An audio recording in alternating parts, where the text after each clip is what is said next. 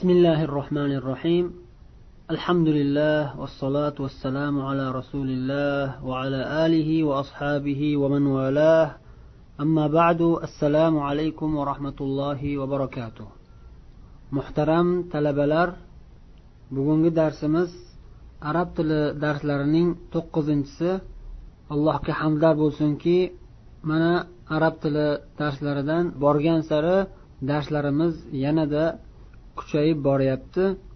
Ana shuning uchun sizlardan iltimosimiz o'tayotgan darslarimizga yaxshilab e'tibor berib mashqlarni qayta qayta yechib yaqin atrofingizdagi yoru do'stlaringiz bilan so'zlashganda imkon qadar arabcha so'zlashishga harakat qilib boringlar.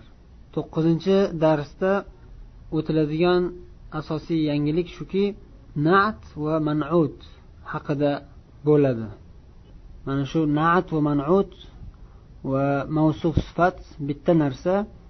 Ma'lum bir narsa haqida gapirganingizda ana shu narsani boshqa bir xususiyatini boshqa bir sifatini aytib tanishtirsangiz o'sha narsa mavsuf bo'ladi manut bo'ladi va u haqidagi qo'shimcha berayotgan ma'lumotingiz sifatlayotgan sifatingiz nat va yoki sifat deb aytiladi. Nahu ilmida tavabi tobe bo'lib keladigan kalimalar bor. Ana shular bir necha xil bo'ladi. Shulardan bittasi mana shu nat sifat. Bir kalimani ma'lum bir sifat bilan sifatlasangiz o'sha kalimaning nahudagi erobi qanday bo'lsa bizda erobni tarkib deb qo'shadi. Qanday tarkib qilinsa sifat ham ana shunday tarkiblanadi. Muallif rahimalloh bu to'qqizinchi darsni ikki qismga bo'lib alif qismida mana shu nat va manutni sifat va mavsufni nakira holatda keladiganlariga jumlalar tuzib misollar keltiradilar. Ikkinchi qismida ba qismida ayni shu naat va manutni ma'rifa bo'lib kelishiga ham misollar keltiradilar. Yuqorida hozir aytganimizdek manut mavsuf agar nakira bo'lsa uning sifati naat ham nakira bo'lib keladi. Agar mavsuf manut bo'lgan kalima sifatlangan kalima ma'rifa bo'lib kelsa uning sifati ham ma'rifa bo'lib keladi. mansub holatda kelsa mansub holatda bo'ladi marfu holatda kelsa marfu holatda bo'ladi majrur bo'lsa majrur bo'ladi va hokazo. Darsni odatdagidek muallif hafizaulloh bir necha jumlalar tuzib misollar keltirish bilan boshlayaptilar. Addarsu tasi to'qqizinchi dars. Alif. Man hadar rajulu huwa abbasun. Abbasun tajirun. Abbasun tajirun g'aniyun kim bu odam? U odam abbos. Abbos tijoratchi. Mana shu yergacha tarjimasini o'zinglar bilasizlar. Avvalgi darslarimizda o'tilgan. Endi mana bu to'rtinchi qatordagi abbasun tajirun g'aniyun deganda yangi darsimizga misol kelyapti. Abbos tajirun g'aniyun boy tijoratchi deyapti. Demak tijoratchi kalimasi sifatlanyapti. Qanaqa sifatli tijoratchi? Boylik bilan sifatlangan. Boy tijoratchi. Shuning uchun tajir manut bo'ladi g'aniyun naat bo'ladi. Tajir mavsuf bo'ladi g'aniyun sifat bo'ladi. Keyingi misolga o'tamiz.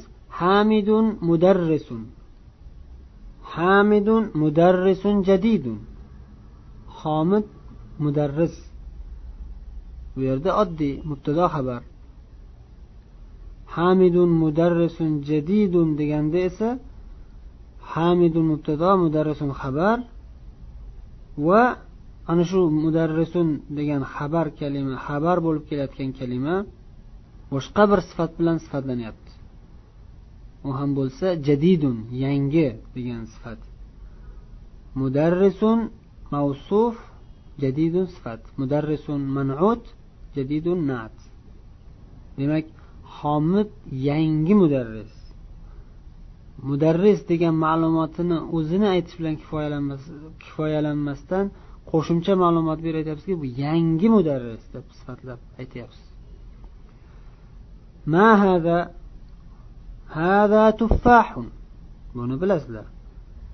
Endi uni ketida aytyaptiki التفاح فاكهة لذيذة التفاح olma fakihatun lazizatun attuffahu fakihatun deb to'xtasak ham bo'ladi olma mevadir lekin qanaqa meva sho'r mevami achchiq mevami qo'shimcha sifati kerak bo'lyapti o'shaning uchun qo'shimcha sifat berib aytyaptiki fakihatun lazizatun shirin meva. Lazizatun lazzatli meva. Olma shirin meva. Fakihatun kalimasiga lazizatun kalimasi sifat bo'lib kelyapti. Fakihatun bo'lib kelganda uning sifati ham lazizatun bo'lib kelyapti. Ana shu narsalarga e'tibor beringlar. Ma zalika zalika usfurun. Hu anavi نما hu anavi chumchuq. Al usfuru صغير sag'irun chumchuq kichkina qush. Chumchuq qush deb to'xtasak agar nima deyishimiz kerak edi? Al usfuru toirun deb to'xtardik. Endi bu yerda biz faqatgina qushligini aytmoqchi emasmiz balki kichkina qush deb turib kichkinaligini kichkinalik sifatini ham aytmoqchimiz. O'shaning uchun al usfuru toirun sog'irun deb qo'shib aytildi. Demak usfur mubtado toirun xabar va toirun kalimasi xabar bo'lib kelayotgan toirun kalimasi mavsuf yoki manut desa ham bo'ladi. Sag'irun uning sifati nat al arabiyatu lug'atun sahlatun arab tili al arabiya arabcha lug'atun sahlatun al arabiya lug'atun arabcha bu bir lug'at degandek bo'ladi al arabiyatu lug'atun sahlatun deb aytsak arabcha yengil lug'at yengil til degani al arabiyatu lug'atun jamilatun. Arabcha chiroyli til. Arabcha juda ham go'zal tilligida shak shubha yo'q. Demak al arabiya mubtado lug'atun xabar unga sifat bo'lib kelayotganini naat yoki sifat deb aytiladi. Lug'atun o'zi esa mavsuf yoki manut deb aytiladi. Yana bir bor takrorlaymiz manut yoki mavsuf qanaqa o'rinda qaysi erobda kelayotgan bo'lsa uning uning sifati ham ana shu erob bilan eroblanadi. Ana shunday erob bilan keladi. Ya'ni marfu bo'lsa uning sifati ham marfu bo'ladi. Mansub bo'lsa uning sifati ham mansub bo'ladi. Majrur bo'lsa uning sifati ham majrur bo'ladi. Nakira bo'lsa uning sifati ham nakira bo'ladi. Ma'rifa bo'lsa uning sifati ham ma'rifa bo'ladi. عمار طالب مجتهد ومحمود طالب كسلان. عمار مجتهد طالب يعني ترشقاق حركتين طلبة. ومحمود دنجسة طلبة كسلان دنجسة. طالب كسلان.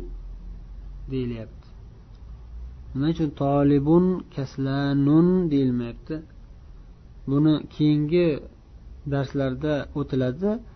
Lekin munosabat kelgani uchun qisqacha aytib o'tamizki kaslanu kalimasi mamnu minas sarf deyiladi. Ba'zi bir kalimalar bor ularga tanvin kirmaydi odatda. Ularni mamnu minas sarf yoki g'ayr munsarif deb ataladi. Inshaalloh bu haqida keyingi darslarda o'tiladi. Man anta san kimsan? Ana tolibun.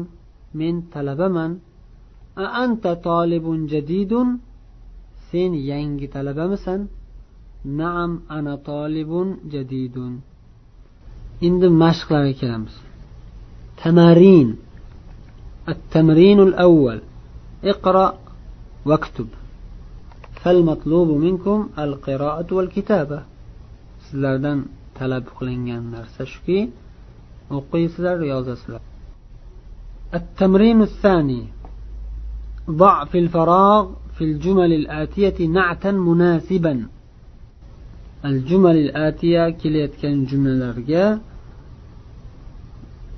kelayotgan jumlalardagi bo'sh joylarga na'tan munasiban munosib nat to'g'ri keladigan sifat do qo'yib chiqqin deyapti buni ham harakat qilib yechinglar yozinglar iloji bo'lsa ovoz bilan o'qib zapis qilinglar o'zinglarni ovozinglarni men birinchi ikkinchisini yechib aytib beraman al misalul avval خديجة طالبة مجتهدة misol uchun خديجة طالبة مجتهدة hadija toliba deb yozilgan bu yerda Siz shunga to'g'ri keladigan bir sifat qo'shing bir naat ayting.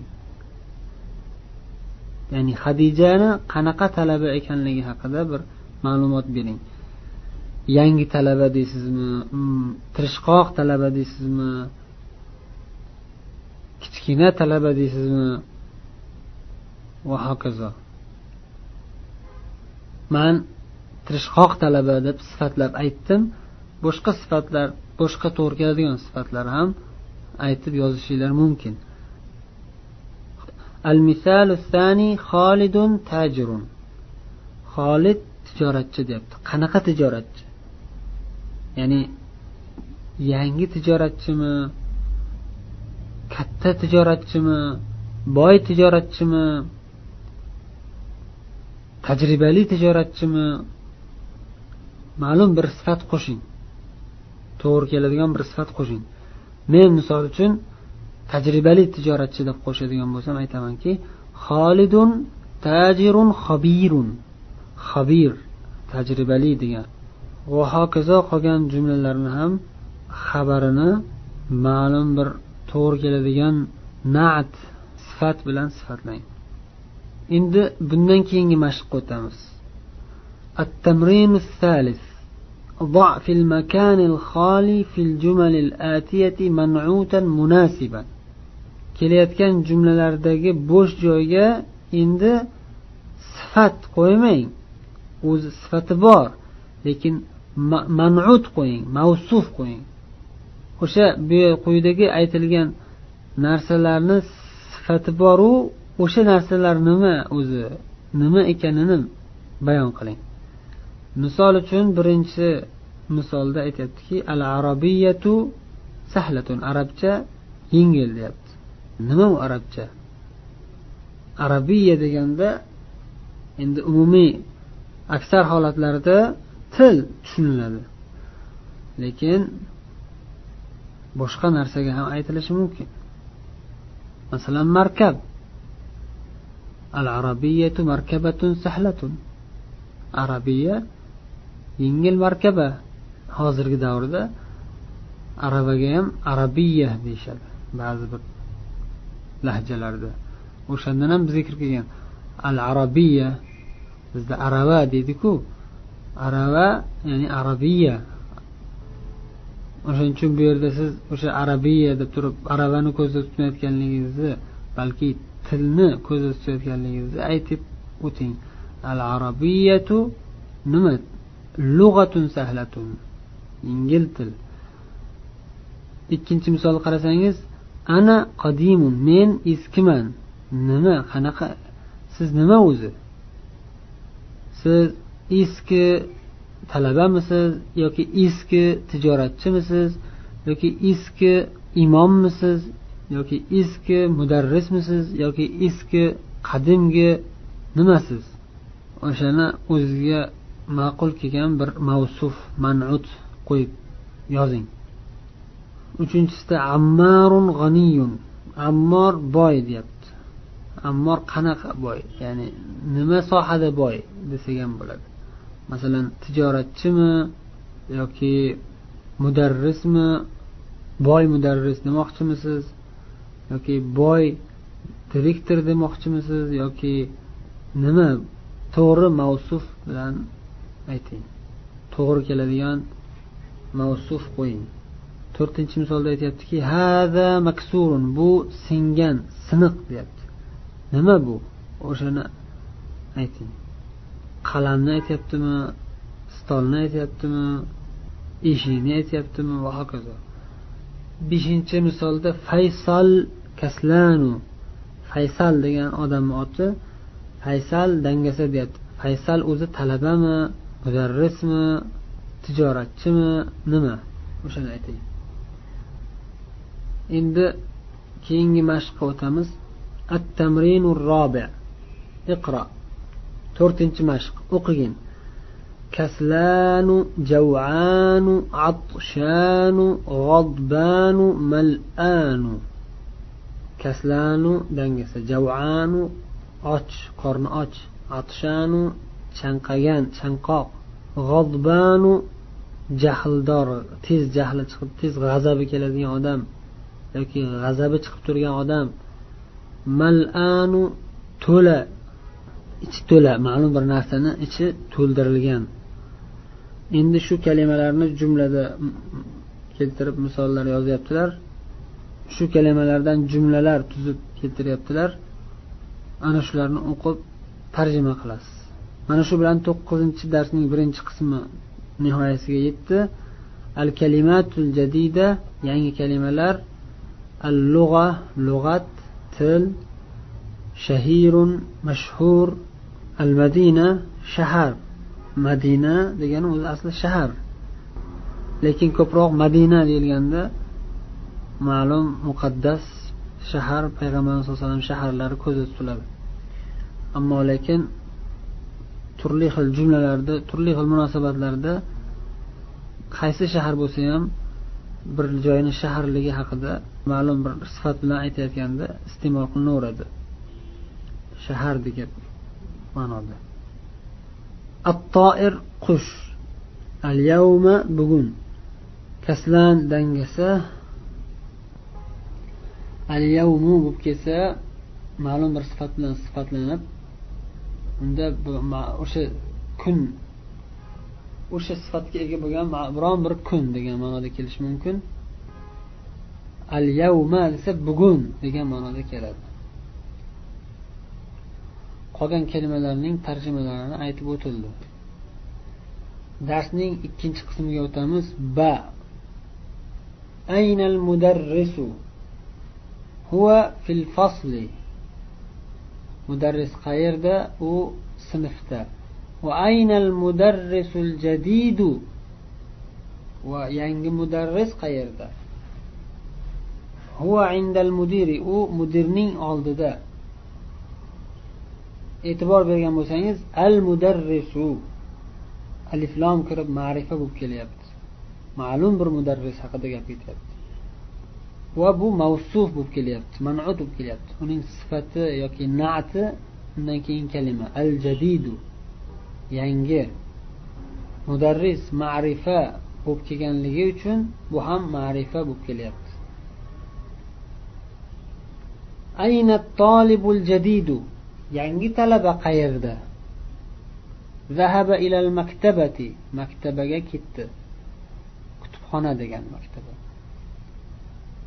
kutubxonaga ketdi من ذلك الرجل الطويل الذي خرج الآن من المدرسة كم هو أنا أزن أدم الذي خرج الآن من المدرسة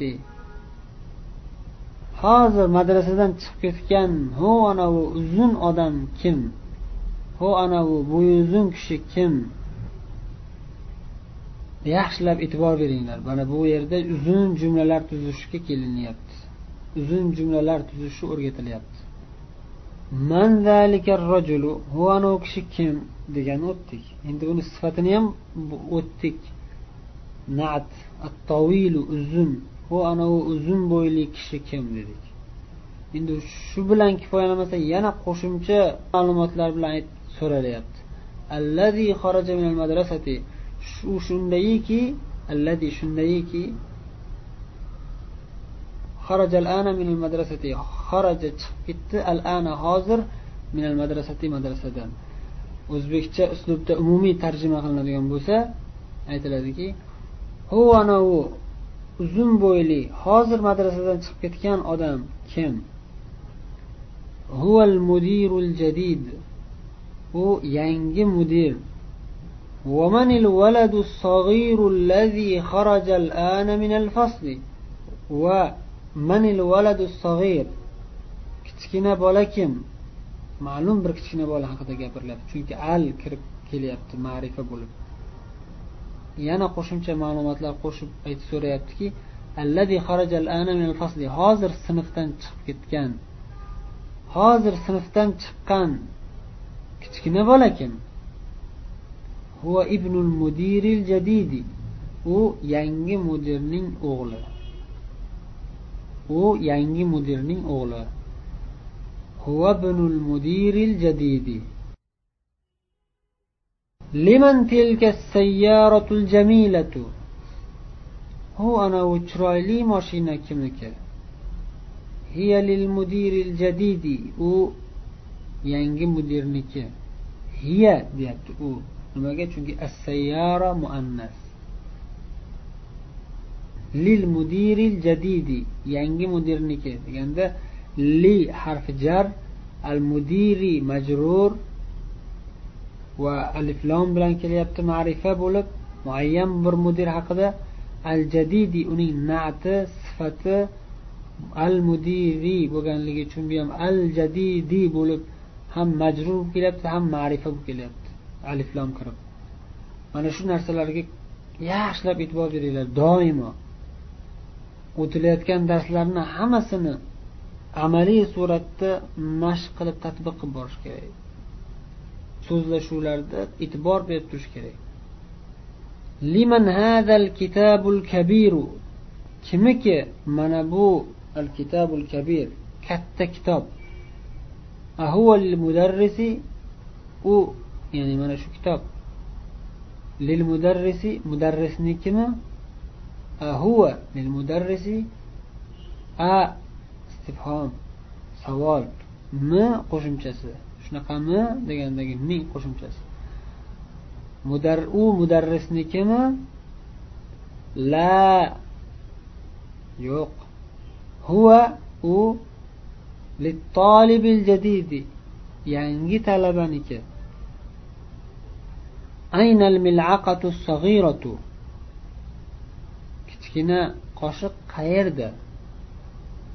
Ayna qayerda? Al milaqatu qoshiq ma'lum bir qoshiq. Al kirib kelyapti.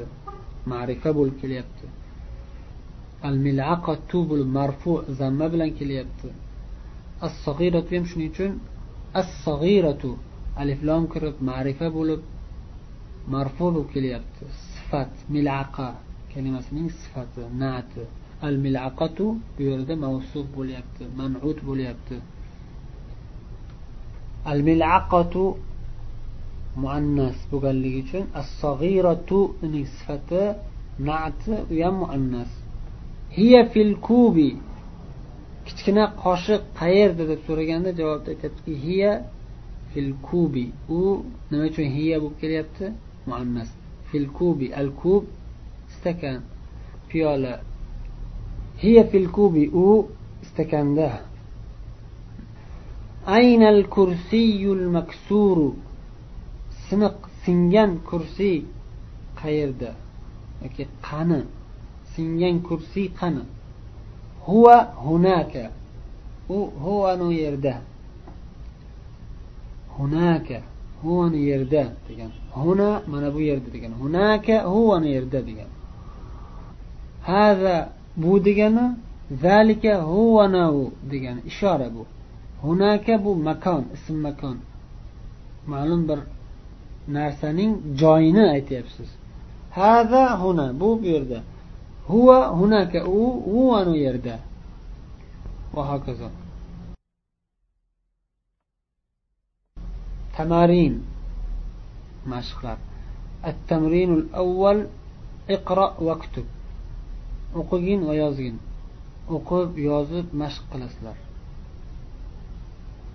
التمرين الثاني ikkinchi mashq املأ في الفراغ فيما يلي بالنعت الذي بين قوسين بعد تحليته بأل عند اللزوم kelayotgan satrlardagi bo'sh joylarni ikkita qavs orasiga olib qo'yilgan nat bilan to'ldirgin faqat bitta narsaga e'tibor berginki ba'da tahliyatihi bi al luzum. Unga al qo'shimchasini qo'shishlik bilan sifatlagin indal luzum lozim bo'lgan payt.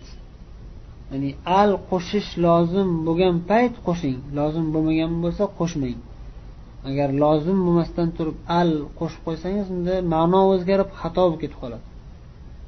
Birinchi misolda masalan aynal mudarrisu. Mudarris qani? Shuni qavschidan o'tgan yangi degan kalimani qo'shib qo'ygan. Nima demoqchi? Yangi mudarris qani demoqchi. Shunda siz shu yangi kalimani mudarrisga sifat qilib nat qilib ayting.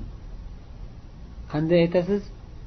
Agar siz aytsangizki aynal mudarrisu jadid desangiz xato bo'lib qoladi.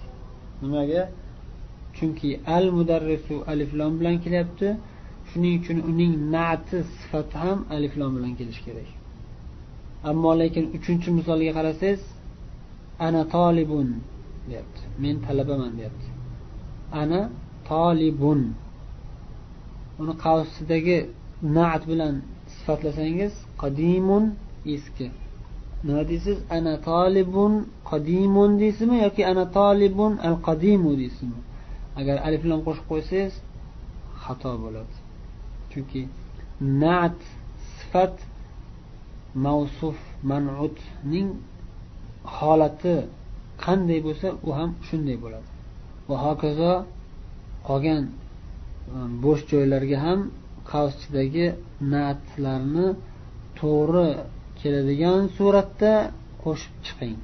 Aliflam qo'shish kerak bo'lsa qo'shing aliflam qo'shish kerak emas bo'lsa qo'shmang.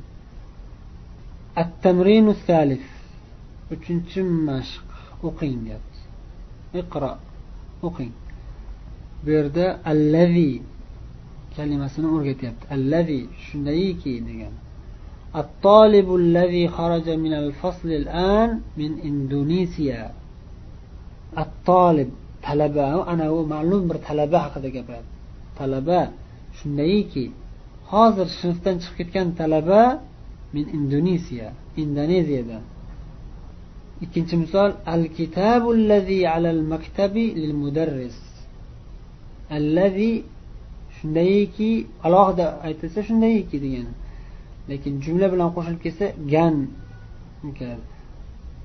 Maktab stol ustida turgan xontaxta ustida turgan kitob mudarrisniki. Uchinchi misol aytyaptiki liman hadal qalamul jamil allazi alal maktabi liman hadal qalamul jamil allazi alal maktabi mana bu chiroyli qalam shundayki maktab ustida turgan chiroyli qalam kimniki to'rtinchi misolda al baytul kabiru allazi fi zalika shari lil vaziri u anavi ko'chada joylashgan katta uy. Lil vaziri vazirniki. Beshinchi misol as sariru allazi fi g'urfati xolidin maksurun. Xolidning xonasida joylashgan yoki xolidning xonasida turgan karavat maksurun siniq singan. Xolidning sifati deb maksurin deyormang yana maksur xolidning sifati emas maksur sarir kalimasiga xabar sarir karavatning siniq siniq ekanini xabar beryapti. Ma'nosiga e'tibor bering. As sariru maksurun karavat siniq demoqchi. Lekin o'sha karavatning ma'lum bir sifatlarini yoki ma'lumotlarini qo'shimcha qilib aytyaptiki boshqa bir karavatga ketib qolmasin hayolingiz. Xolidning xonasida turgan karavat deb sizga joylarini aniq qilib aytyapti. Xullas kalom allazi shundayki deganni arab tilida ism mavsul allazi ism mavsul. Ulangan ism deydi. Ya'ni avvalgi kalima bilan keyingi jumlani avvalgi kalima bilan keyingi allazidan keyin kelgan jumlani avvalgi kalimaga ulab ulab beradi. Ya'ni bir birimizga ulangan ma'lumotlari. Baytun deb turib tagiga bundoq strelka qo'yib tagiga ishora qo'yib manut deb qo'yadi. Ya'ni irobi manut bo'ladi. Jadidun naat bo'lyapti. Baytun jadidun yangi uy. Manut bu bayt kalimasi manut mavsuf. Jadid yangi bu sifati naat. Al kalimatul jadida yangi kalimalar. Al maktabatu kutubxona. Al ana hozir. Al mirvahatu al mirvahatu yilpig'ich yoki ventilyatorga ham aytiladi. Al mustavsafu mustavsaf kichkina poliklinika deb qo'yiladimi ruschasida al mustavsafu mustavsafu shifoxona kichkina shifoxonaga aytiladi poliklinika al madrasatu sanaviya o'rta maktab al madrasatu sanaviya o'rta maktab al madrasatu sanaviya o'rta maktab al vazir vazir shahirun mashhur haddun o'tkir والله أعلم وصلى الله وسلم وبارك على نبينا محمد وعلى آله وصحبه أجمعين والسلام عليكم ورحمة الله وبركاته.